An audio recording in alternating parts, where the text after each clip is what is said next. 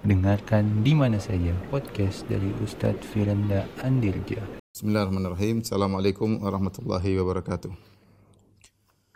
Innal hamdalillah nahmaduhu wa nasta'inuhu wa nastaghfiruhu wa natubu ilaih wa na'udzu billahi min syururi anfusina wa min sayyiati a'malina may yahdihillahu fala mudilla lahu wa may yudlil fala hadiyalah. Wa asyhadu an la ilaha illallah wahdahu la syarika lah وأشهد أن محمدا عبده ورسوله لا نبي بعده. يا أيها الذين آمنوا اتقوا الله حق تقاته ولا تموتن إلا وأنتم مسلمون.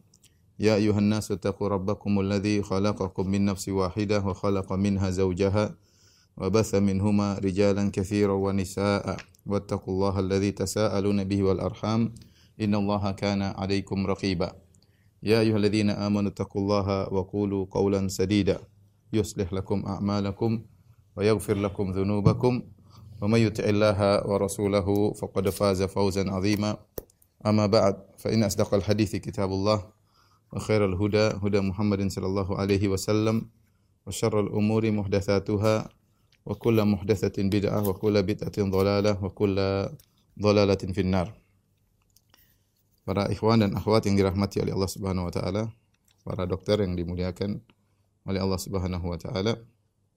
Uh, Alhamdulillah pada kesempatan kali ini kita bisa berkumpul dalam rangka belajar bersama, saling mengingatkan di antara kita ya di mana kita akan berbicara tentang sakaratul maut uh, suatu kondisi yang uh, akan dialami oleh kebanyakan orang ya. Bahkan dialami oleh orang-orang yang saleh seperti Nabi sallallahu alaihi wasallam ya. Dan kita tahu bahwasanya eh, kematian akan datang menimpa kita semua dan kita tidak tahu kapan jadwal kematian kita ya. Eh, wa ma tadri nafsun bi ayyi ardin tamut. Kata Allah Subhanahu wa taala, tidak satu jiwa pun tahu di mana dia akan meninggal dunia. Tetapi bagaimanapun kita berusaha menghindar dari kematian, kita pasti akan mendatanginya. Qul innal mautal ladzi tafirruna minhu fa innahu mulaqikum. Sungguhnya kematian yang kalian dari darinya pasti akan bertemu dengan kalian. Aina ma takunu yudrikumul maut walau kuntum fi burujim musyayyadah. Di mana pun kalian berada, pasti kalian akan didatangi oleh kematian.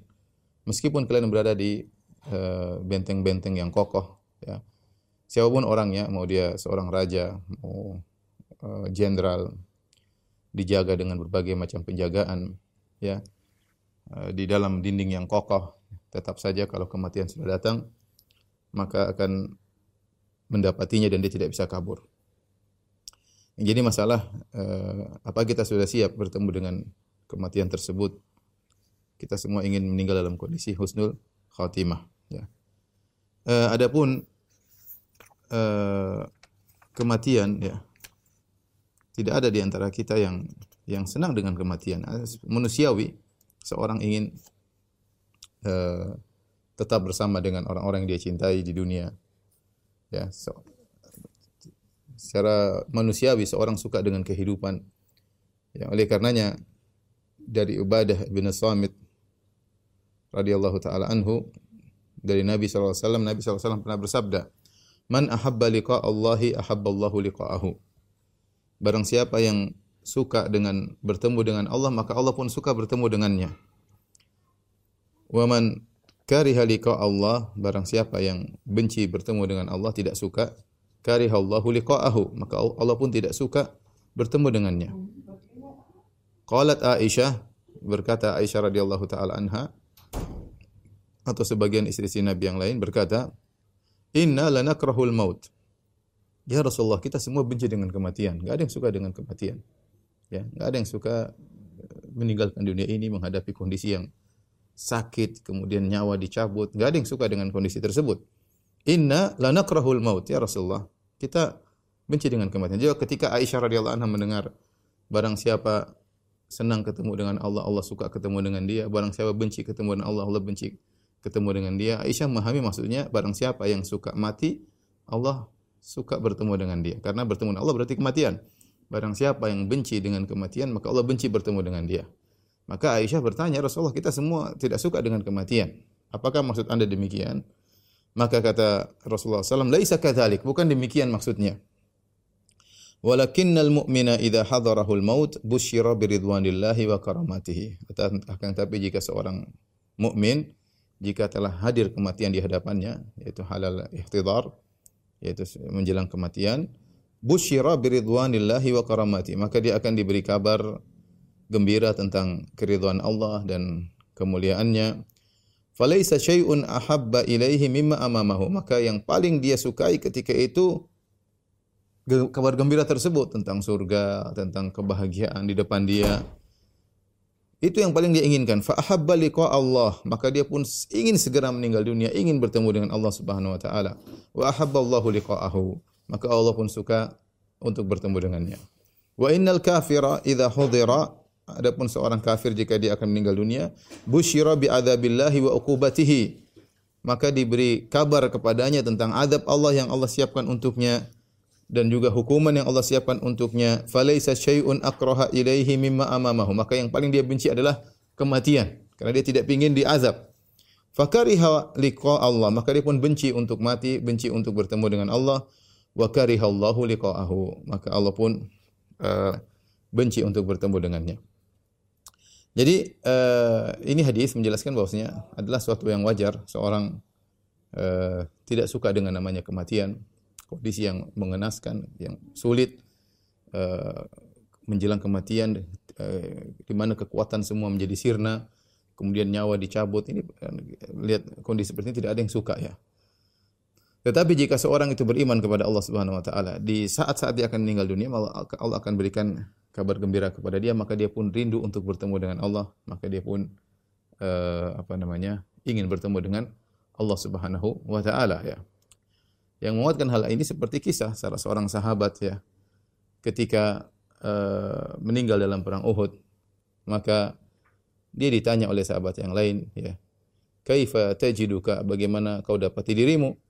Ketika dia mati syahid dia berkata ini la ajidu rihal jannata rihal jannati min kibali Uhud. Sungguh aku mencium bau surga dari arah gunung Uhud. Artinya ada uh, sebagian rahasia dibuka ya sempat eh, orang akan meninggal dunia sempat berbicara hal-hal yang menyenangkan yang dia dapatkan. Ya. Namun secara umum tidak demikian. Secara umum adalah perkara yang uh, yang gaib ya.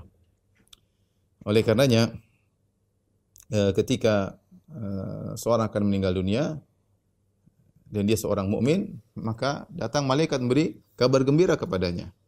Innal ladzina qalu rabbuna Allahu tsumma istaqamu tatanazzalu alaihimul malaikatu alla takhafu wa la tahzanu wa abshiru bil jannati allati kuntum tu'adun. Ya. Sungguhnya orang-orang yang mengatakan kami beriman kemudian mereka istiqamah. Ya mereka ketika dunia beriman dan mereka istiqamah. Tatanazzalu alaihimul malaika. Maka di antara uh, tafsiran para salaf tatanazzalu alaihimul malaikatu malaikat turun kepadanya kapan menjelang kematiannya. Itu tatkala sakaratul maut. Tatkala menjelang kematian Tatanazzalul malaikatu alla takhafu wa la tahzanu. Jangan kau takut, jangan kau bersedih. Karena kondisi ini kondisi yang uh, mengerikan, yang berat bagi seorang hamba ketika dia akan meninggalkan kehidupan ini. Banyak hal-hal yang dia bayangkan, mungkin yang dia khawatirkan. Dia khawatir tentang masa depannya, apa yang akan dia hadapi. Dia ingat dosa-dosanya, apa yang akan dia laku, akan dia hadapi setelah kematian ini. Ya, apa yang akan dia dapatkan? Apakah azab, apakah siksaan, apakah nikmat? Wala tahzanu dan jangan kau bersedia khawatir dengan apa yang dia tinggalkan. Dia pikirkan istrinya, dia pikirkan anaknya, dia pikirkan uh, mungkin urusan bisnisnya, banyak yang dia pikirkan, ya. Maka tatkala itu uh, Allah menurunkan para malaikat untuk beri kabar gembira kepadanya. Allah takhafu wa tahzanu wa abshiru bil jannati allati kuntum tu'adun. Maka bergembiralah engkau dengan uh, surga yang telah dijanjikan kepadamu ya.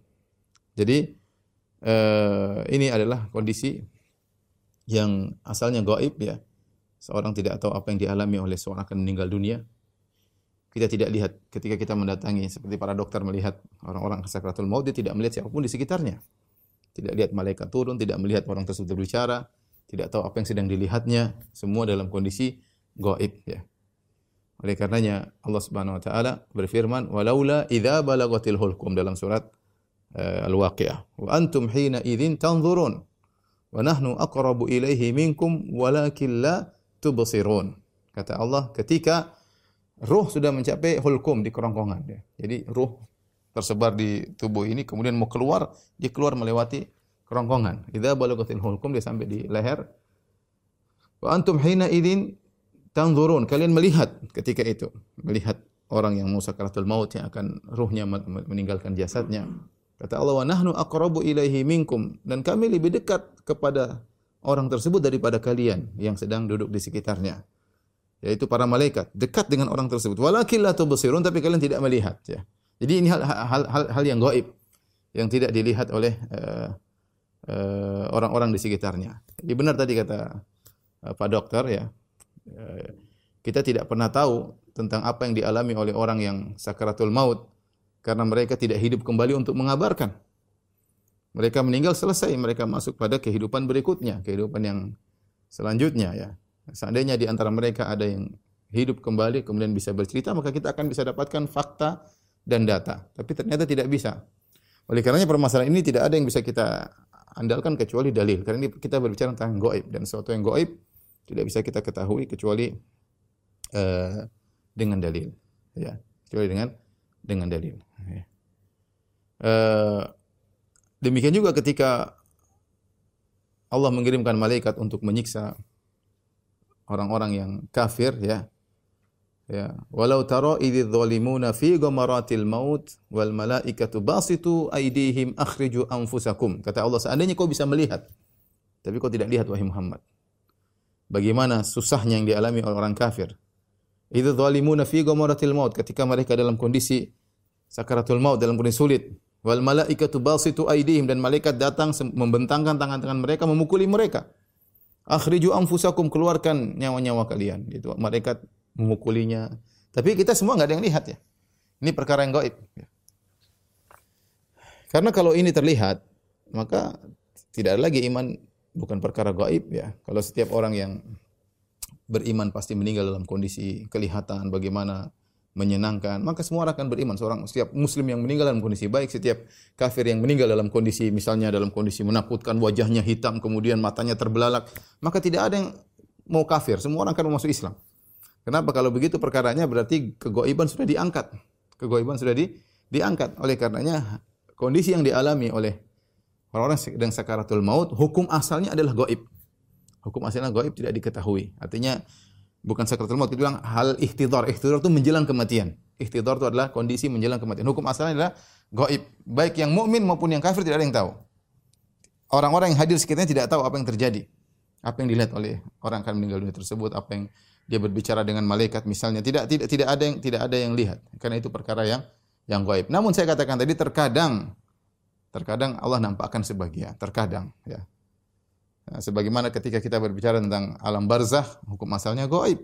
Kalau orang buka ya tidak ada apa-apa ya. Mayat dikuburkan, dibuka nggak ada masalah. Tapi terkadang, dan datang dalam banyak cerita-cerita, terkadang Allah tampakkan, terkadang. Tapi hukum asalnya adalah perkara yang uh, yang gaib. Makanya ketika Allah Subhanahu berfirman, wan naziati gharqa wan nasyitati nashta. Ya. Demi malaikat-malaikat yang mencabut nyawa dengan keras. Ya, dan demi nyawa-nyawa yang semangat ketika dicabut oleh para malaikat dengan penuh kelembutan. Nyawanya orang kafir yang dicabut dengan keras tidak itu tidak melihatnya, tidak melihatnya. Ini perkara yang yang gaib. Ketika uh, Allah menurunkan ayat tersebut, memang tidak ada yang lihat. Makanya Allah mengatakan, walau taro, seandainya kau lihat wahai Muhammad. Dan Muhammad SAW juga tidak tidak melihat ya ya hukum asalnya gaib kecuali Allah perlihatkan. Taib, uh, jadi kita kembali bahwasanya kondisi seorang akan meninggal dunia tentunya tidak ada yang menyukai uh, kondisi tersebut dan di antara hal yang tidak menyenangkan ketika akan meninggal dunia adalah hal sakaratul maut, kondisi sakaratul maut. Allah Subhanahu wa taala uh, menyebutkan dalam surat Eh, dalam surat Qaf ya. Ayat ke-19 kata Allah Subhanahu wa taala wa ja'at sakaratul maut bil haqq dzalika ma kunta minhu tahid. Dan datanglah sakaratul maut ya. Eh, payahnya kematian ya, dengan kebenaran yaitu pasti akan datang. Dzalika ma kunta minhu tahid. Itulah yang dulu kau lari darinya. Ini Allah konteks pembicaraan terhadap orang kafir yang mereka tidak mau mati, tapi namanya sakaratul maut akan datang. Taib. Apa itu uh, sakaratul maut secara bahasa. Ya. Uh, sakaratul maut yaitu kondisi yang dialami oleh uh, seorang ketika akan meninggal dunia. Ya, yaitu kepayahan, kesulitan, ya. Dan dia secara bahasa diambil dari syukur. Syukur itu uh, kalau dalam bahasa Arab artinya menutup, ya, menutup. Makanya khamar disebut dengan muskir. Muskir artinya menutup otak. Menutup otak, ya. Kata Nabi SAW, kullu muskirin khamrun. Ya. Setiap minuman yang memabukkan, setiap makan yang memabukkan, maka itulah khamr. Ya, dan, dan kullu khamrin haram dan setiap khamr hukumnya adalah haram. Jadi asyukur bahasa Arab artinya menutup ya. Sampai sekarang kita kalau di Madinah orang biasa mengatakan sakiril bab yaitu tutup pintu. Sakir. Jadi dari sin, kaf dan ra artinya uh, menutup. Dan biasanya uh, otak seorang tertutup dalam beberapa kondisi sebagaimana dikatakan oleh Ar-Raghib dalam mufradatnya beliau berkata as-sukru halatun ta'ridu bainal mar'i wa aqlihi. As-sukr adalah kondisi yang dialami seorang antara antara dia dengan akalnya, yaitu akalnya mulai tertutup, setengah sadar, setengah tidak sadar, itu namanya syukur. Ya, kalau sudah parah benar-benar tidak sadar seperti orang-orang mabuk. Wa aktsaru ma tusta'malu fi syarabil muskir. Kebanyakannya kata syukur ini uh, atau sakra sakr yaitu uh, digunakan pada minuman yang memabukkan. Wa yutlaqu fil ghadabi wal ishqi wal alami wan nuasi wal ghashi wan annashi'i anil alami wa huwa al muradu huna. Dan kebanyakannya uh, juga dipakai ketika seorang lupa diri ketika sedang marah ya sampai antara sadar dan tidak sadar wal ishq ketika sangat benar-benar rindu ya sehingga antara sadar tidak sadar atau dalam kondisi sakit ya, dalam kondisi ngantuk antara sadar tidak sadar atau pingsan ya, yang muncul akibat rasa sakit. Dan yang dimaksud dalam sakaratul maut adalah yang ini yaitu kondisi setengah sadar yang karena rasa sakit yang dia rasakan uh, ketika menjelang kematian. Itu disebut dengan sakarat sakaratul maut. Dan ini dialami oleh Nabi sallallahu alaihi wasallam. Nabi mengalami sakaratul maut. Rasulullah sallallahu alaihi wasallam ya ketika akan meninggal dunia ya uh, Rasulullah SAW mengalami panas yang sangat uh, tinggi. Oleh karenanya ketika seorang sahabat datang berkata ya Rasulullah inna innaka la tu'ak wa akan wa aksan sadida kata dia ya Rasulullah sungguh engkau merasakan panas yang tinggi sekali. Kata Rasulullah SAW na'am inni la u'ak uh, uh, marratain. Ya. Kama yu'aku rajulani minkum Ya, kata Nabi wasallam, sungguh aku mengalami panas seperti dua orang, double. Ya, dua orang digabungkan maka aku merasakan panas tersebut. Karena seorang sahabat ketika memegang selimut Nabi, panasnya tembus sampai sampai ke selimut Nabi sallallahu alaihi wasallam. Saking panasnya Rasulullah SAW kadang mengambil air, kemudian dia mengusap wajahnya dengan air tersebut. Kemudian Nabi berkata, La ilaha illallah. Inna lil mauti, inna lil mauti sakaratin. La ilaha illallah tidak sembahan yang berakti sembah kecuali Allah. Sungguhnya kematian itu ada sakarat, itu ada hal yang berat yang dialami oleh uh, seseorang. Ya. Uh, tetapi Rasulullah SAW sabar menghadapi itu, itu semua. Ya. Jadi saya ingin sampaikan bahwasanya sakarat uh, adalah kondisi berat yang dialami oleh seorang saat meninggal dunia. Dan itu tidak menunjukkan rendahnya seseorang, rendahnya seseorang. Yang penting seorang meninggal dalam kondisi husnul khatimah, ya karena Rasulullah SAW setelah itu kemudian meninggal dalam kondisi tenang. Tetapi sebelum meninggal Rasulullah SAW mengalami namanya sakarat. Tapi Rasulullah SAW berkata, La ilaha illallah inna lil mauti sakarat. La ilaha illallah sungguhnya bagi kematian ada sakarat. Ada perkara yang berat yang dialami. Kemudian Rasulullah SAW mengangkat tangannya.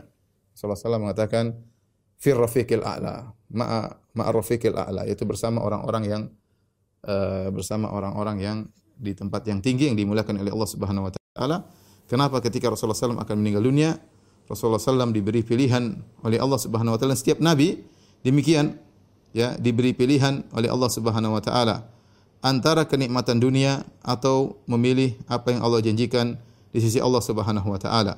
Ya, kata Rasulullah SAW sebelum beliau meninggal, beliau pernah berkata, Inna abdan khayyarahu Allahu baina an yu'tiyahu min zahratid dunya ma syaa wa baina ma indahu fakhtara ma indahu. Ada seorang hamba yang Allah berikan pilihan baginya. Apakah diberikan keindahan dunia yang dia inginkan, ya ingin hidup di dunia dengan ke dengan kekayaan, Allah kasih pilihan.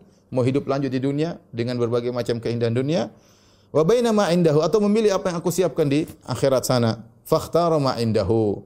Maka hamba tersebut memilih apa yang disiapkan oleh Allah di sisi Allah Subhanahu wa taala.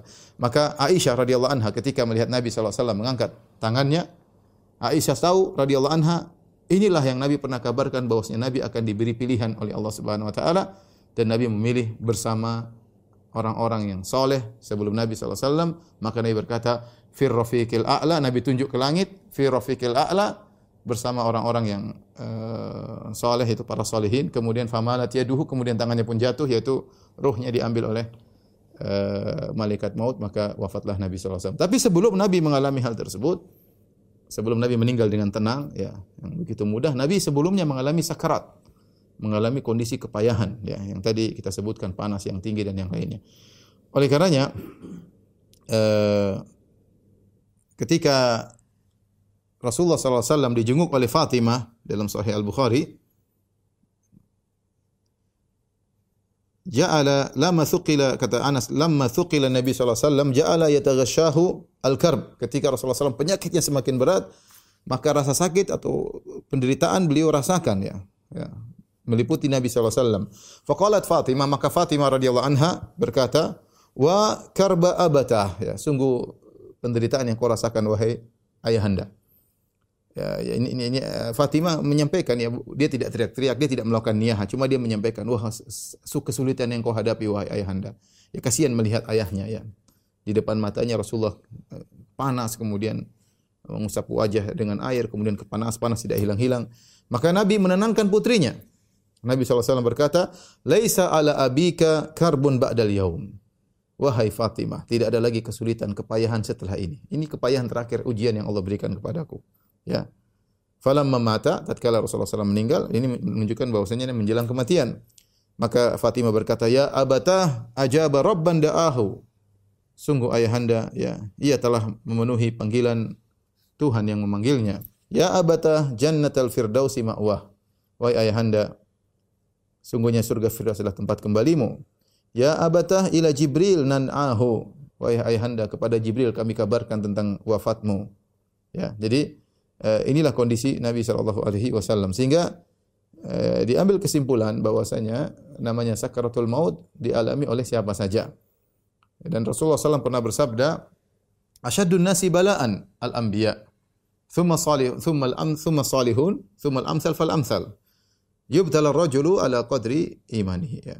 Uh, yang paling berat ujiannya adalah para uh, anbiya, para nabi, kemudian orang soleh, kemudian sudahnya dan sudahnya. Jadi uh, sakaratul maut seperti sakit, seperti ujian-ujian sebelumnya. Ya. Terkadang seorang diberi ujian yang berat, terkadang ada yang tidak Allah kasih uh, atau sakaratul mautnya levelnya ringan. Ya, Allah lebih tahu mana yang perlu Allah berikan sakarat yang kuat, yang berat, ada yang ringan. Adapun Nabi SAW Allah milih sakarat yang berat. Tadi makanya panasnya Nabi dua kali lipat daripada orang-orang biasa. Ya. Karena Nabi SAW sebelumnya sudah diuji dengan berbagai macam ujian.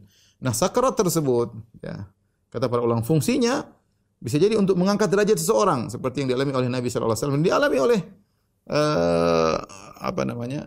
uh, orang-orang yang lainnya ya, dalam rangka untuk meninggikan derajatnya atau dalam rangka untuk mengurangi dosa-dosanya, ya.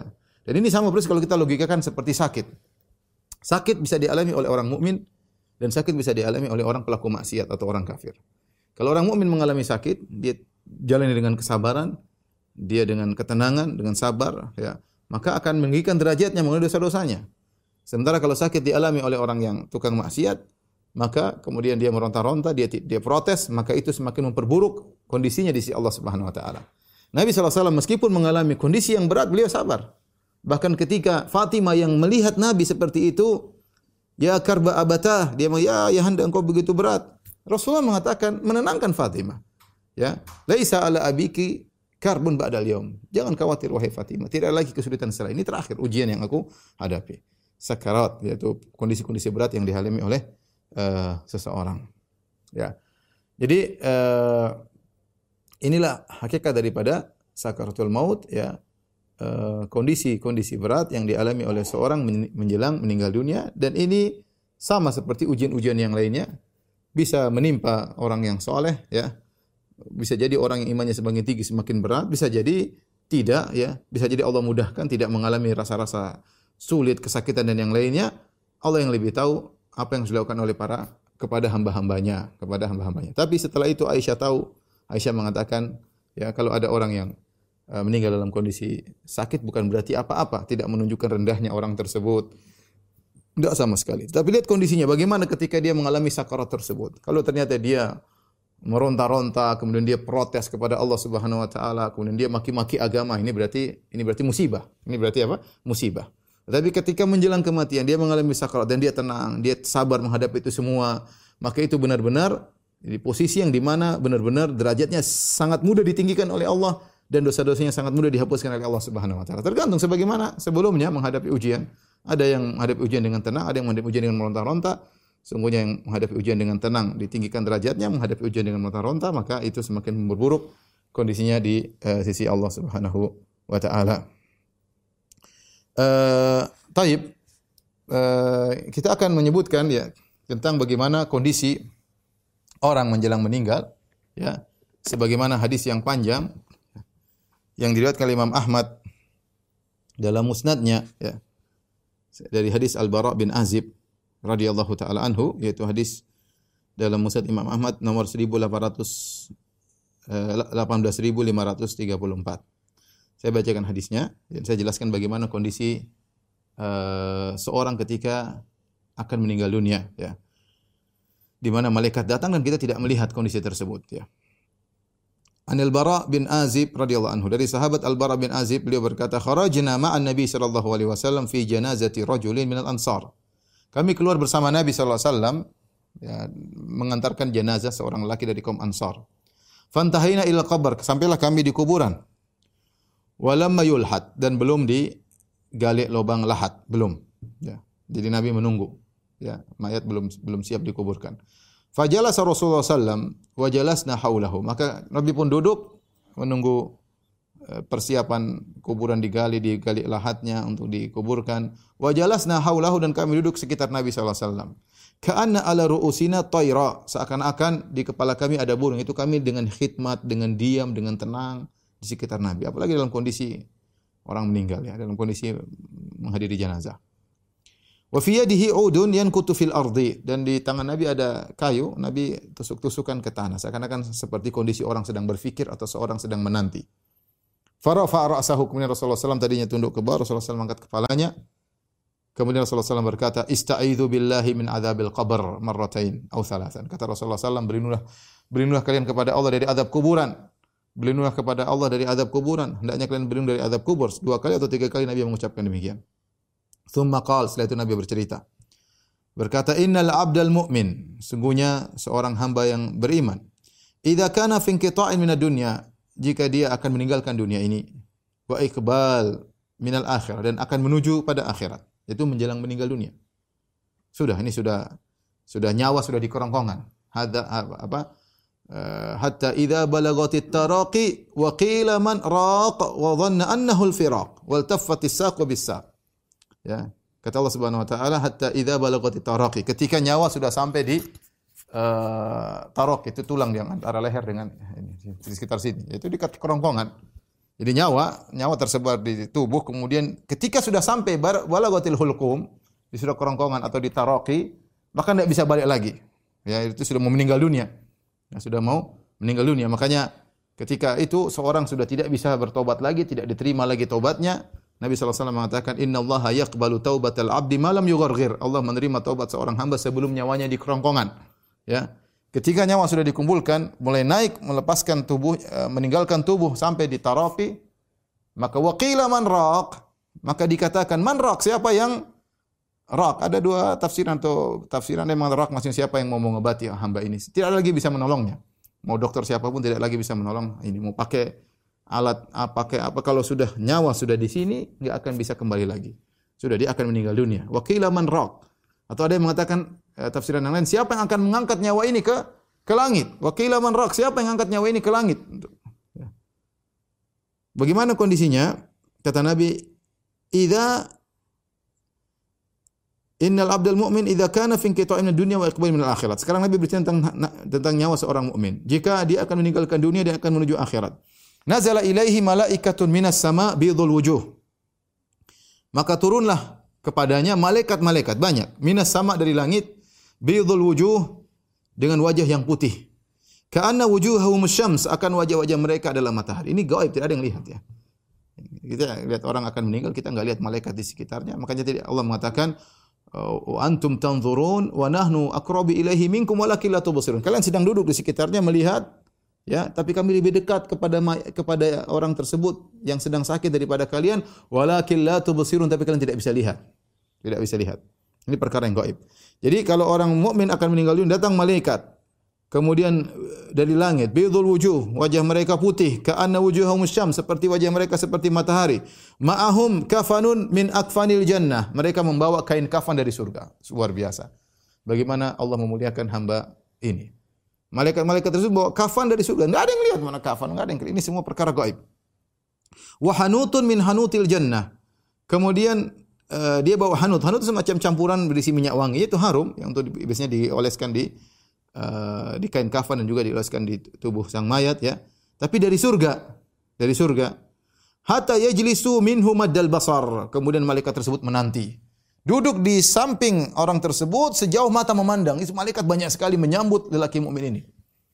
Benar-benar orang mukmin ini dimuliakan oleh Allah Subhanahu wa taala. Sampai yang menyambut untuk mengambil nyawanya adalah malaikat yang banyak dengan berwajah putih seperti matahari dan disiapkan kain kafan dari surga dengan minyak wangi dari surga. Thumma yaji'u malakul maut. Mereka menantikan kedatangan malaikat maut. Maka datanglah malaikat maut alaihissalam ya, hatta yajlis inda ra'sihi. Kemudian malaikat maut tersebut duduk di samping kepalanya. Fayaqul, mulailah proses uh, mencabut nyawa. Fayaqul, maka malaikat berkata kepada orang tersebut, orang mukmin tersebut, "Ayyatuhan nafsut tayyibatu." Wahai jiwa yang baik, ukhruji ila maghfiratin minallahi wa ridwan. Dengan kata-kata yang lembut, keluarlah engkau menuju ampunan Allah dan menuju keridhaan Allah. Kata kata Nabi sallallahu alaihi wasallam, "Fatakhruju tasilu kama tasilul qatratu min fisiqa." Maka nyawanya pun keluar dengan tenang seperti qatrah. Qatrah itu tetesan air yang keluar dari siqa. Siqa adalah uh, tempat air yang terbuat dari kulit ya. Ibarat misalnya gampangnya kalau kita punya uh, tempat minum kemudian kita tumpahkan air seluruhnya, kemudian tinggal satu tetes, satu tetes kita mau tuangkan dia akan jalan pelan-pelan. Pelan-pelan kemudian dia keluar dari mulut uh, bibir dari tempat minum tersebut baru jatuh dengan pelan. Berbeda kalau kita tuangkan pertama cepat. Tapi begitu tinggal satu tetes terakhir dia akan pelan-pelan. Jadi nyawa tersebut keluar dengan tenang tanpa ada halangan sama sekali ya. Seperti qatrah seperti tetesan air yang keluar dari e, bibir e, tempat air tersebut. Fayakhudhuha kemudian diambillah nyawa tersebut oleh malaikat maut. Fa idza akhadhaha lam yad'uha fi yadihi tarfata ainin hatta ya'khudhuha.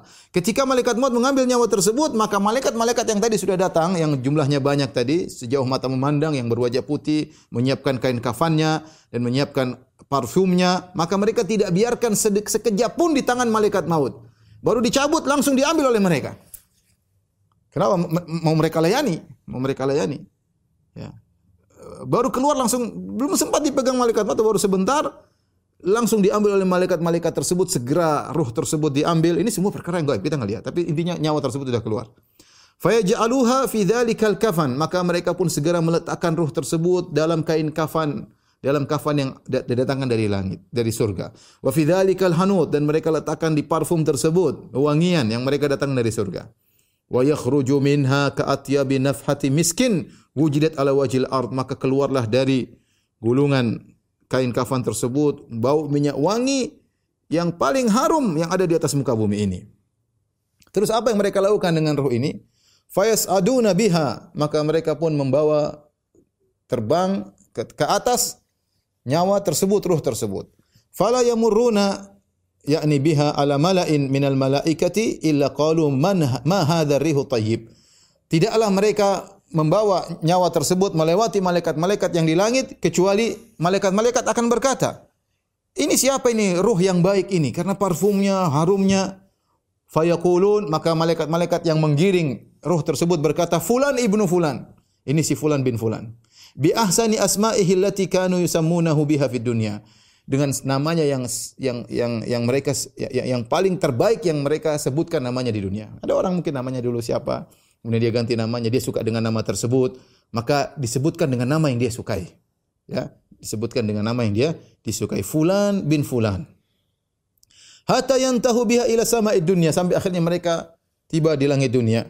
Fayastaftih fayastaftihuna lahu fayuftahu lahum. Ya, maka mereka pun minta agar dibukakan pintu dun langit dunia. Maka dibukakanlah pintu langit dunia, fayushayyi'uhu min kulli sama'in muqarribuha ila sama'il lati taliha. Maka malaikat-malaikat yang ada di langit tersebut kemudian menggiring mayat tersebut menuju langit berikutnya. Mendekatkan roh mayat tersebut ke langit berikutnya. Hatta yantahi ila sama isabiah. Terus demikian begitu langit berikutnya dibawakan pintu langit kemudian dibawa lagi malaikat menggiring kepada langit berikutnya Kemudian dibuka pintu langit ketiga, maka malaikat-malaikat langit ketiga menggiring kepada langit keempat terus sampai ke langit yang tujuh. Kita tahu langit ketujuh di atasnya. Kemudian arsy, kemudian Allah Subhanahu wa taala sudah dekat dengan Allah Subhanahu wa taala. Fa yaqulullahu azza wa jalla, maka Allah berkata, "Uktubu kitab abdi fi illiyin." Catatlah kitab hambaku di illiyin. Itu tempat yang tinggi. Wa aiduhu fi ilal ard dan kembalikanlah ruh ini ke bumi fa inni minha khalaqtuhum. Karena dari bumilah aku ciptakan mereka. Wa fiha uiduhum. Dan kepada bumi aku akan kembalikan mereka. Aku akan kembalikan mereka. Kemudian wa minha ukhrijuhum taratan ukhra. Dan dari bumi itulah aku akan membangkitkan mereka untuk uh, di kesempatan yang lain Qala Nabi berkata fatu aduruhu fi jasadihi maka ruh dikembalikan kepada jasadnya. Ya, fayatihi malakan yaitu di kuburan dikembalikan jasadnya. Ya. Inilah uh, ini yang disebut dalam hadis yang lain dalam sahih Bukhari kata Nabi sallallahu alaihi wasallam idza wudi'atil janazatu fahtamalaha rijal ala anaqihim fa in kanat salihatan qalat qaddimuni kalau jenazah ya sudah diletakkan kemudian diangkat oleh orang-orang menuju kuburan di atas uh, pundak mereka, maka kalau kalau jenazah tersebutlah jenazah orang soleh, maka dia berkata qaddimuni, segera, segera cepat, cepat kuburkan aku. Kenapa? Roh ingin segera kembali ke, ke jasadnya agar merasakan kenikmatan di alam barzakh. Dia ingin segera. Jangan makanya sunnahnya seorang kalau kalau seorang meninggal jangan ditunda-tunda, segera di, dikuburkan. Fa in kanat ghairu salihatin, kalau ternyata jenazah orang tidak saleh, Qalat li ahliha maka dia pun protes. Ya wailaha aina yadhhabuna biha? Maka ruh tersebut berkata, celaka kalian, ke mana kalian bawa jasadku? Jangan dibawa ke mana? Yasma'u sautaha kullu syai'in ilal insan. Dia meronta-ronta, dia marah-marah, semua mendengar perkataan ini kecuali manusia. Walau sami al insan la sa'ik. Kalau manusia mendengar suaranya meronta-ronta tidak mau jasadnya dimasukkan, ya, maka akan akan pingsan atau akan mati. Saking mengerikan. Taib Kemudian Rasulullah SAW menyebutkan bagaimana dia ruhnya dimasukkan dalam jasadnya, kemudian datang dua malaikat, kemudian didudukkan, kemudian malaikat mungkar dan nakir bertanya kepadanya, "Man rabbuk?" Siapa Tuhanmu? Fayaqulu Rabbi Allah. Tuhanku adalah Allah. Fayaqulani lahu ma dinuk? Apa agamamu? Fayaqul dinil Islam. Agamaku adalah Islam. Fayaqulani lahu. Malaikat munkar nakir bertanya lagi, "Ma hadzal rajul ladzi bu'itsa fikum?" Siapakah orang yang diutus kepada kalian? Fayaqulu huwa Rasulullah sallallahu alaihi wasallam. Dia adalah Nabi sallallahu alaihi wasallam. Fayaqulani lahu, "Wa ma ilmuka?" Fayaqulu, "Apa ilmumu?" Maka dia berkata, "Qara'tu kitab Allah fa amantu bihi wa saddaqtu." Ya, aku membaca Al-Qur'an dan aku beriman dengannya dan aku membenarkannya. Fayunadi munadin fis sama. Maka ada suara dari langit berkata, "An sadaqa abdi." Sungguh benar hambaku, ya. Jadi menjawab dan dibenarkan oleh Allah Subhanahu wa taala. Allah berfirman, Allah berkata, "Fa afrishuhu minal jannah wa albisuhu minal jannah." Berilah dia firas yaitu semacam uh, karpet yaitu permadani dari surga dan pakaikanlah dia pakaian dari surga waftahu lahu baban ilal jannah. Dan dari alam alam barzakhnya kata Allah bukakanlah pintu menuju surga. Ada lorong dari surga menuju alam barzakh Ini alam gaib kita enggak tahu. Alam gaib ya. Qala fayatihi min rauhiha. Maka datanglah dari apa namanya watibiha dari dari kenikmatan dari apa aromanya ya. Datang dari surga sampai kepada dia ya. Wa yufsahu lahu fi qabrihi madda basarihi. Kemudian alam barzakh tersebut dilebarkan seluas dia sejauh dia mata memandang. Jadi benar-benar dia dalam kenikmatan di di alam barzakh, di alam kubur. Wa yati rajulun hasanul wajhi. Kemudian datang seorang laki dengan wajah yang tampan, hasanul thiyab, dengan baju yang indah, thayyibur rih, dengan aroma yang sangat wangi. Fayaqulu, abshir billadhi yasurruka. Maka orang tersebut datang kepada dia menyenguknya di alam barzakh tersebut dengan berkata bergembiralah dengan apa yang telah menyenangkan engkau. Hadza yaumuka alladzi kuntu tu'at. Inilah hari di mana engkau telah dijanjikan. Inilah hari di mana kau dulu berletih-letih beribadah. Inilah saatnya yang telah dijanjikan kepadamu. Atau mukaddimah dari kenikmatan surga adalah kenikmatan di alam alam barzakh. Fayaqul man anta. Orang ini bertanya orang mukmin, "Siapa engkau?" Fawajuhukal wajhu yaji'u bil khair. Wajahmu mendatangkan kebaikan. Fayaqulu ana amaluka salih. Aku adalah amal salehmu. Fayaqulu rabbi aqimis sa'a yaitu aku adalah amal saleh. Aku adalah sedekahmu tatkala orang-orang pelit. Aku adalah berbakti kepada orang tuamu sementara orang tidak punya waktu untuk berbakti kepada orang tuanya. Aku adalah salat malammu tatkala orang sedang tidur. Aku adalah bacaan Qur'anmu tatkala orang sedang sibuk membaca medsos dan yang lainnya. Aku adalah amal salehmu. Ya. Maka dia berkata rabbi aqimis sa'a. Ya Allah tegakkan hari kiamat segera. Ya. Hatta arji ila ahli wa mali agar aku bisa kembali kepada keluargaku dan hartaku yaitu bisa masuk surga ketemu dengan keluarga dan yang lainnya Selesai. Ini Nabi cerita tentang bagaimana perjalanan ruh sampai di alam barzah kemudian menunggu hari kiamat. Tadi orang mukmin, bagaimana orang kafir? Ya, bagaimana dia mengalami ihtidar yaitu menjelang kematian? Kata Nabi sallallahu alaihi wasallam, "Wa innal 'abdal kafir." Sungguhnya hamba yang kafir idza kana fi inqita'in minad dunya, jika dia akan meninggalkan dunia. Wa iqbalin minal akhirah dan menuju kepada akhirat. Nazala ilaihi minas sama'i malaikatun sudul wujuh maka turun dari langit malaikat-malaikat yang dengan berwajah hitam. Ma'ahumul musuh. Mereka membawa ya, semacam kain kafan tapi terbuat dari syair dari yang kasar ya. ya. Ya, untuk untuk mengambil rohnya. Kalau tadi orang beriman dengan kafan dari surga ya. Kali ini tidak. Fayajlisuna minhu maddal basar. Kemudian malaikat tersebut menanti. Mereka duduk di sekitar mayat tersebut sejauh mata memandang. Menanti kedatangan malaikat maut, thumma yaji'u malakul maut. Kemudian datang malaikat maut. Hatta yajlisa inda ra'si kemudian malaikat maut duduk di, di, di sisi kepalanya fayaqul ayat Tuhan nafsul khabithah. Maka malaikat maut berkata wahai jiwa yang buruk ukhruji ila sakhatin min Allah wa ghadab. Keluarlah engkau menuju kemurkaan Allah dan kemarahan Allah. Qala fatufarraqu fi jasadihi. Maka ruh tersebut tersebar di jasadnya. Ya, mau keluar berat. Wa fayantazi'uha kama yuntaza'us safud binas sufil mablul. Maka malaikat pun mencabut ruhnya dengan keras yang kata Allah wan naziati gharqab dengan cabutan yang keras. Sebagaimana safut safut itu semacam uh, duri ya yang kalau jatuh dalam suful mablul dalam apa namanya uh, kain suf yang basah kalau dikeluarkan sulit karena dia bercabang ada durinya kalau mau dicabut maka dia akan merobek uh, apa namanya misalnya di karung ya. Kalau kita ada kita mau harus merobek apa tali-tali yang ada di karung tersebut. Maka uh, fayakhudhuha maka ruh tersebut dicabut oleh malaikat maut fa idza akhadhaha tatkala dia sudah mencabut nyawanya lam yada'uha fi yadihi tarfata ainin hatta yaj'aluha fi tilkas tilkal musuh. Maka ketika dicabut oleh malaikat maut segera malaikat-malaikat yang lain mengambil ruh yang buruk tersebut segera dimasukkan dalam uh, tadi kain yang yang kasar tersebut.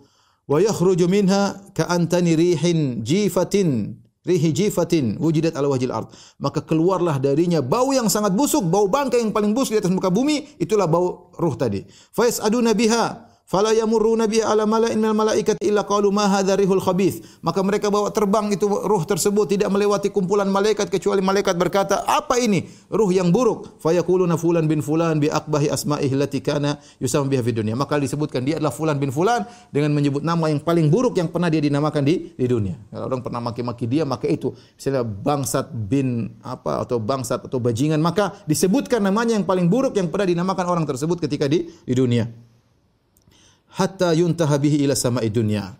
Maka sampailah di pintu di langit dunia. Fayustaftahu lahu, maka diminta untuk dibukakan pintu langit dunia, fala yuftahu lahu dan tidak dibukakan oleh para malaikat. Thumma qara'a Rasulullah sallallahu alaihi wasallam Rasulullah sallallahu baca firman Allah, la tufattahu lahum abwabus sama. Tidak dibukakan bagi mereka pintu-pintu langit. Wala yadkhuluna al-jannah dan mereka tidak akan masuk surga hatta yalijal jamalu fi samil khiyat. Sampai uh, onta bisa dimasukkan dalam uh, lubang jarum. Ya. Fayaqulu Allah azza wa jalla. Allah berkata, "Uktubu kitabahu fi sijjin fil ardi sufla." Tuliskanlah kitabnya di sijjin yaitu di bumi yang paling rendah, yang paling dasar. Fatutrahu ruhuhu tarhan maka dilemparkan ruhnya dengan kasar, dikembalikan dengan kasar kepada jasadnya ya. Fatu'adu ruhu fi jasadihi maka dikembalikan ruhnya ke dalam jasadnya. Datanglah dua malaikat, kemudian mendudukkan dia. Kemudian malaikat bertanya, siapa Tuhanmu? Maka dia berkata, haha la adri, aku tidak tahu. Maka ditanya lagi, madinuk, apa agamamu? Dia berkata, haha la adri, aku tidak tahu. Hah, dia bingung mau jawab apa. Maka ditanya lagi, ma hadzal rajul ladzi bu'itsa? Siapakah orang yang diutus kepada kalian? Maka dia berkata, ha, adri, aku tidak aku tidak tahu. Fayunadi munadin minas sama an kadzab. Maka kemudian ada suara di langit berkata, sang pendusta dia telah berdosa. Fa'afshrihu lahu fa'afrishuhu lahu minan nar. Berikanlah karpet dari neraka untuknya. Waftahu lahu baban ilan nar dan bukakanlah pintu dari alam barzakhnya, alam kuburnya menuju ke neraka. Fayatihi min harriha wa samumiha. Maka datanglah angin yang panas ya. Kemudian uh, apa namanya panasnya neraka sampai kepadanya. Wa yudayyaku alaihi qabruhu hatta takhtalifa fi adla'uhu. Maka kuburannya disempitkan oleh Allah Subhanahu wa taala sampai tulang-tulangnya menyatu sampai tulang-tulangnya uh, saling tumpuk menumpuk. Wa yatihi rajulun qabihul wajhi. Setelah itu datang seorang laki dengan wajah yang buruk. Qabihus thiyab dengan pakaian yang buruk. Muntinur rih dengan bau yang sangat busuk. Fa yaqulu abshir billadhi yasu'uk. Bergembiralah engkau dengan apa namanya selamat dengan keburukan yang menjengkelkan engkau Hada yaumuka alladhi kunta tu'ad. Inilah hari yang di mana kau telah dijanjikan. Fayaqulu man anta. Maka dia bertanya, siapa engkau? Faujuka alladhi yaji'u bil syar. Wajahmu mendatangkan menggambarkan keburukan. Fayaqulu ana amalukal khabith. Aku adalah amal burukmu. Aku adalah zinamu, aku adalah ribamu, aku adalah uh, durhaka kepada orang tua dan semua maksiat-maksiat yang kau lakukan. Inilah aku. Kau yang telah membuat diriku seperti ini. Aku datang Kau yang buat aku. Aku amal keburukanmu selama kau di dunia. Aku pelitmu, aku sombongmu, semuanya. Angkuhmu. Maka dia berkata, Rabbi lah tuqimis. Ya Allah, jangan kau tegakkan hari hari kiamat. Karena dia tidak ingin disiksa dengan siksaan yang lebih parah. Inilah, uh, uh, ikhwan, jadi kondisi seorang uh, ketika, intinya ketika seorang akan meninggal dunia, dia mengalami kondisi, kondisi-kondisi yang uh, pada dasarnya adalah kondisi yang goib yang tidak dilihat ya. Tidak ada yang bisa melihatnya. Baik orang beriman maupun orang yang ya, ya, yang yang, yang, yang non muslim atau yang pelaku maksiat. Meskipun saya katakan tadi terkadang Allah menampakkannya. Terkadang Allah uh, menampakkan sebagian yang gaib tersebut sebagai pelajaran. Namun pada asalnya tidak ada yang tahu. Maka bisa jadi kita melihat seorang kafir meninggal dalam kondisi tenang ya. Itu masalah yang gaib ya. Masalah yang gaib. Kita bisa lihat juga terkadang orang muslim meninggal dalam kondisi terbakar misalnya kena kebakaran atau dibunuh atau di apa. Tapi itu kan kita bicara jasadnya. Adapun ruhnya kita nggak tahu bagaimana kondisinya. Apa yang dialami kita tidak tahu karena ini perkara yang gaib. Ya makanya Allah mengatakan walau taro seandainya kau kau lihat. Seandainya kau lihat. Uh, seorang ya uh, tatkala di sakaratul maut menjelang kematian maka dia mengalami ujian yang berat. Para ulama menyebutkan ya bahwasanya setan ketika seorang akan meninggal dunia, setan akan menggodanya dengan semaksimal mungkin. Semaksimal mungkin ya. Karena setan selalu hadir dalam setiap kondisi untuk mencelakakan seorang mukmin. Dalam Sahih Muslim dari Jabir bin Abdullah, Rasulullah SAW bersabda, Inna syaitana yahduru ahadakum inda kulli syai'in min sya'nihi. Sungguhnya setan hadir menghadiri kalian dalam salah seorang dari kalian dalam segala kondisinya. Ya, setiap saat setan hadir ingin menggoda, siap menggoda. Apalagi ketika meninggal dunia hatta yahdurahu inda ta'ami. Saking dia selalu hadir dalam segala kondisi, ketika seorang mukmin sedang makan, setan pun hadir. Fa idza saqatat min ahadikum luqmatu, kalau ternyata ada makanan yang jatuh dari kalian, falyumit makana biha min adha, maka bersihkanlah. Kalau ada kotoran dibersihkan. Tsumma liyakulha, kemudian makan, jangan dibuang. Wala yada ahli syaitan, jangan dibiarkan untuk syaitan. Fa idza faraga falya'laq asabi'ahu. Kalau sudah selesai maka dia jilatlah jari-jarinya. Fa innahu la yadri fi ayyi ta'ami fi ayyi ta'amihi takunul barakah. Dia tidak tahu di mana keberkahan dari makanan mana yang dia uh, dapat keberkahan. Bisa jadi sisa-sisa di tangannya itulah tempat keberkahan. Tapi maksudnya uh, ini dalil bahwasanya setan menghadiri segala kondisi uh, manusia. Oleh karenanya terutama tatkala dia akan meninggal dunia. Disebut oleh Ibnu Taimiyah rahimahullah taala setan akan menggoda seorang ketika akan meninggal dunia karena Nabi bersabda al amal bi khawatimiha atau innamal a'mal bil khawatim sungguhnya amalan tergantung akhirnya. Inilah kesempatan terakhir syaitan dia mengerahkan segala tenaganya untuk menggoda seorang ketika akan meninggal dunia. Ya, digoda untuk kufur kepada Allah, digoda untuk ragu kepada Allah Subhanahu wa taala, digoda untuk bersuudzon kepada Allah Subhanahu wa taala, dibuat bimbang tentang agamanya, ya. Oleh karenanya diriwayatkan dari Imam Ahmad, ya. Anaknya Abdullah bin Imam Ahmad bercerita, dia berkata, "Hadarat hadartu wafata Abi Ahmad." Aku menghadiri aku aku aku datang ketika ayahku akan meninggal dunia. Wa biyadi khirqatun Eh, li asyudda lihyaihi. Ya dan aku punya uh, aku punya kain untuk untuk mengikat apa namanya uh, rahangnya. Ya kata meninggal biar diikat. Fakana yagriq thumma yufik. Dia pingsan kemudian dia sadar wa yaqulu bi yadihi la ba'du ba'du dia dalam kondisi mengatakan belum belum belum fa'al hadza miraran Imam Ahmad melakukan itu berulang-ulang fakultu lahu ketika ayahku sadar aku berkata ya abati ayu syai'in yabdu minka apa yang nampak darimu ayahanda Kenapa kau berkata tidak belum belum? Qala Imam Ahmad menjelang meninggal dia berkata inna syaitana qaimun bihidai a'din ala anamilihi. Syaitan uh, sedang berdiri di sisiku kemudian dia menggigit jari-jarinya ya. Ya seakan-akan dia dalam kondisi kalah, dalam kondisi uh, sudah gagal. Kemudian dia berkata, "Ya Ahmada, ya Ahmadu futtani." Wahai Ahmad, kau telah lolos dariku. Seakan-akan menunjukkan penyesalan setan tersebut menggigit jarinya dia mengatakan, "Ya Ahmad futani, ya Ahmad kau sudah lolos dariku." Wa ana aqul, maka aku membantah dia aku berkata, "La ba'du, belum aku belum lulus, aku belum lolos darimu hatta amut sampai aku meninggal." Artinya apa? Setan ingin membuat Imam Ahmad ujub ketika itu bangga, ya merasa sudah lolos daripada setan. Ya setan berusaha sebisa mungkin untuk menjatuhkan keimanan seorang sampai Imam Ahmad pun didatangi oleh setan. Tapi Imam Ahmad cerdas. Imam Ahmad mengatakan belum sampai saya mati baru lolos dari karena lolos dari dari uh, syaitan ya. Jadi oleh karenanya seorang ketika uh, berdoa uh, berdoa dengan berlindung dari fitnah kehidupan dan kematian. Ya Allah di antaranya ketika menjelang salam Allahumma a'udzubika min adzabi jahannam wa min adzabil qabri wa min fitnatil mahya wal mamat. Ya Allah aku berlindung kepada Engkau dari adab neraka, dari adab kubur, dari fitnah kehidupan dan fitnah kematian. Di antara fitnah kehidupan dan kematian adalah fitnah menjelang sakaratul maut, menjelang meninggal dunia menjelang meninggal meninggal dunia ya. Ya, sehingga seorang tegar tatkala akan meninggal dunia karena syaitan sedang menggodanya uh, ketika dia akan meninggal dunia. Uh, kemudian adapun orang-orang kafir ya, ketika akan meninggal dunia dalam sakaratul maut dia berangan-angan minta kepada Tuhan tapi kita tidak mendengar omongannya. Ya. Kata Allah Subhanahu wa taala, "Hatta idza jaa ahadahumul maut qala rabbirji'un." Tatkala datang kematian dia akan mati nyawa sudah di kerongkongan, dia berbicara kepada Tuhan. Rabbirji'un, ya Allah kembalikan aku. ali amalu salihan fima tarakt. Aku ingin beramal saleh apa yang telah aku tinggalkan selama di dunia ya. Ingin kembali, ya, tapi sudah tidak bisa. Ketika dia berkata Rabbirji'un kita tidak dengar sama sekali. Kita tidak lihat mulutnya bergerak. Ini perkara yang gaib, ruhnya berbicara. Rabbirji'un, ya Allah kembalikan aku, kembalikan aku. Demikian juga dia bertobat. Kata Allah Subhanahu wa taala, "Innamat taubatu 'ala Allah lil ladzina ya'maluna su'a bi jahalatin thumma yatubuna min qarib fa ulaika yatubullahu 'alaihim wa kana Allah 'aliman hakima." Kemudian kata Allah, "Wa laisatit taubatu lil ladzina ya'maluna sayi'at." Dan tidaklah taubat, tidak ada taubat bagi orang yang melakukan keburukan. Hatta idza hadara ahadahumul maut, ketika kematian telah tiba di hadapannya, qala inni tubtul an. Dia berkata, "Aku taubat sekarang." Ya, tidak ada faedahnya. Kenapa nyawa sudah di kerongkongan, ya.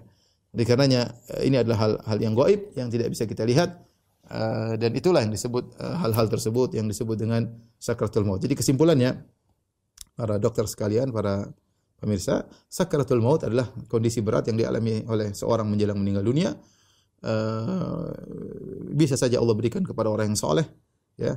Uh, bisa juga Allah tidak berikan, ya. Tidak artinya diberikan tapi tidak seberat ya, ya yang dialami oleh Nabi SAW. Nabi mengalami sakratul, sakratul maut yang berat, tapi yang penting adalah seorang sabar ketika menghadapi sakaratul maut ya.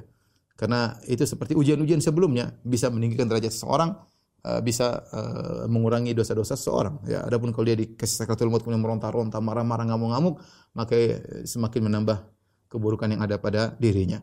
Adapun proses ketika malaikat mencabut nyawa seorang ini adalah perkara yang gaib, enggak ada yang tahu ya. Bagaimana uh, kondisinya ya ya, bisa jadi seorang kafir kita lihat wajahnya tersenyum sementara nyawanya sedang disiksa oleh malaikat maut. Makanya Nabi tidak pernah berkata di antara ciri husnul khatimah adalah tersenyum seseorang. Enggak, ya, enggak ada. Itu jasad, beda dengan apa? Ruh. Jadi Uh, bahkan dia mengatakan walau taro kalau kau melihat kata Allah Subhanahu wa taala idz zalimuna fi ghamratil maut wal malaikatu basitu aidim kalau seandainya kau lihat bagaimana orang-orang kafir dalam kondisi sakaratul maut dalam kondisi payah yang dia hadapi itu ruhnya dan malaikat menghantam mereka tapi ini semua tidak ada yang yang lihat intinya seorang berusaha untuk bertakwa kepada Allah Subhanahu wa taala ya uh, sehingga ketika dia meninggal dunia kalaupun diberikan sakaratul maut dia bisa sabar menghadapinya dan dia bisa tegar kalau dia diuji oleh syaitan menjelang wafatnya sehingga dia bisa uh, ditolong oleh Allah dengan mengirim para malaikat memberi kabar gembira kepadanya sehingga kemudian dia bisa tenang dan meninggal dengan tenang. Allah alam bisawab. Ini saja yang bisa sampaikan. Demikian apa yang bisa sampaikan kurang lebih saya mohon maaf. Wabillahi taufiq walhidayah. Assalamualaikum warahmatullahi wabarakatuh. Ayo, segera download Quran Tadabbur, tafsir dalam genggaman Anda.